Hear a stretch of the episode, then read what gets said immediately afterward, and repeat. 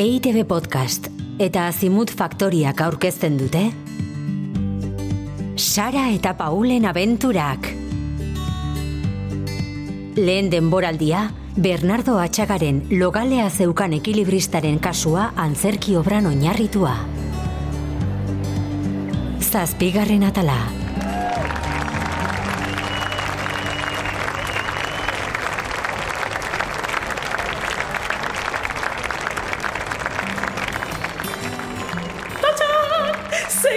Iruitzen zaizuen nire abiadore jantzia? Dotore nago, eh? Ia ba, ia ba, haotxa? Haotxa, non zaude? Haotxorak eritxoroa. Haotxa bilatu behar dut. Non zaude haotxa? Bueno, ba, nik jarraituko dut ipuina kontatzen. Urunetik ahots bat entzuten zuen ekilibristaren historioa kontatuko dizuet. Bazen behin ekilibrista bat. Ahots bat urunetik entzuten zuena. Eta ahotsa zegoen tokirantz ibili eta ibili eta orduan eta urrutiago entzuten omen zuen ahotsa.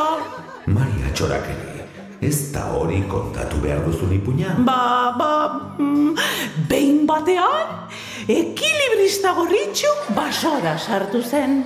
Eta orduan otxoak esan zion, nora zoaz, ekilibrista gorritxu?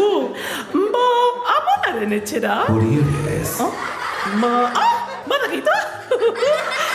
ekilibrista egorrezkoa zen, marioneta bat. Eta gezurra esaten zuenean, sudurra luzatu eta luzatu egiten zitzaion, eta orduan, aroztegi bat montatu zuen. Eta... Oh. Ez? Eh? Hau txorak eritxoroa, hau zozok erizozoa, hau lelok ere leloa nastu egin nahi. Eta gainera, nik ez dut ipuina kontatu nahi zen. Hau txorak eritxoroa, hau zozok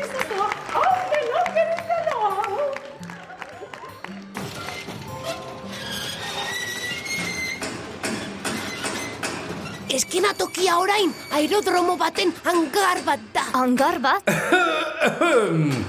Bambolini hemen dago berriro, puntual! Baina Pierres eh, bere ala etorriko da. Mm, Io no sé, ze gertatu zaion, baina ziur izango duela una buona razone. Pierres Akachov è una persona molto seria e responsabile. Arratxaldeon, jaun Andreak! Baina, baina, non arraio sartu da madarikatu hau?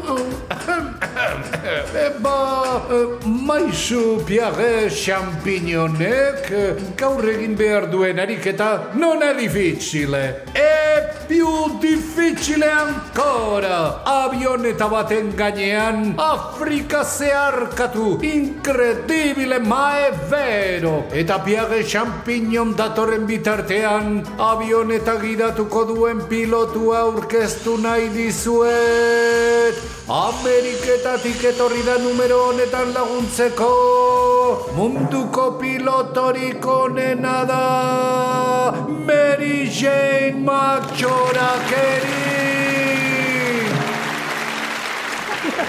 Well, well, well, well, very well. Eta ekilibrista hori non dago, eh? Sotiretan esan zenuen 8 o'clock. Eta bederatzi tardiak dira. What is the punctuality? What is the formality? What is the professionality? Lasai, ez arduratu, bere ala etorriko da. Ez dakit ze gertatu zaion, oso puntuala izaten da. E, mm, beno, eta e, e, a- a- avioneta prestago, tuto presto, gasolina, It's okay. mm, e, altimetroa, It's okay. e, bokatak, What? e, e, sandwichak. Ah, okay. Ere bai. Em, em, Mukizapiak, bufanda, eh, txanoa, hortzetako zepiloa. Eta ekilibrista? Hortako, azkenean etorri da, txalo bero bat gure abenturero ausartentzako. Mm, jakin aldaiteke zede montretan ibili zaren ganora bako halako, ha? Eh, aizu, oso nekatuta zaudela dirudi, ez? Eupe, pixka bat. Ez dago galtzeko denbora ere! Bere ala iten behar dugu! It's very late! Ziroko aizea altatzen hasi eta oso dangerous da! Goodbye! See you later! Guazen pierez! Zatu egazkinean!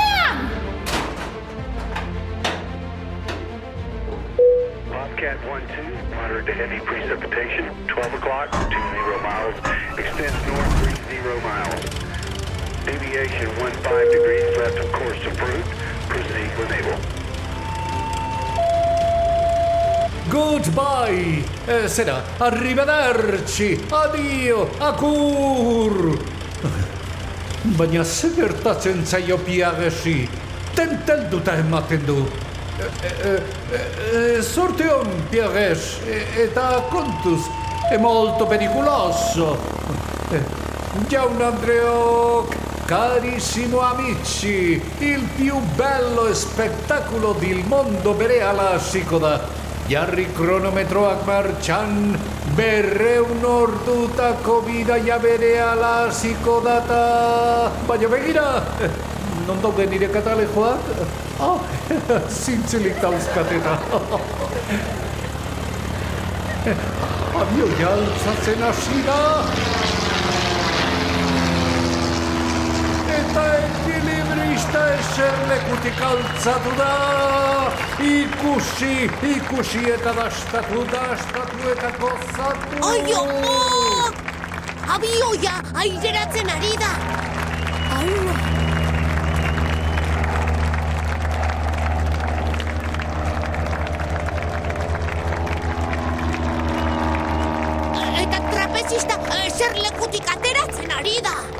Nola egiten dute?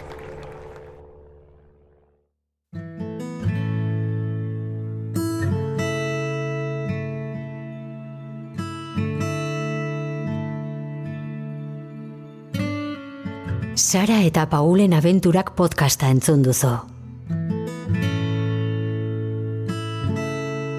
Bernardo Atxagaren logalea zeukan ekilibristaren kasua antzerki obran oinarritua. Gidoi egokitzapena eta zuzendaritza, Iñaki Bera Etxe. Aktoreak, Lorea Intxausti, Itziar Urreta Bizkaia, Kepa Errasti, Ainoa Aierbe, Iñaki Bera Etxe, eta Jose Felipe Hauzmendi. Grabazioa, Xavier Abalde. Soinu diseinua, Mikel Mendiaraz. Eta ekoizpena, Irune Urdaniz. EITB Podcast eta Azimut Faktoria.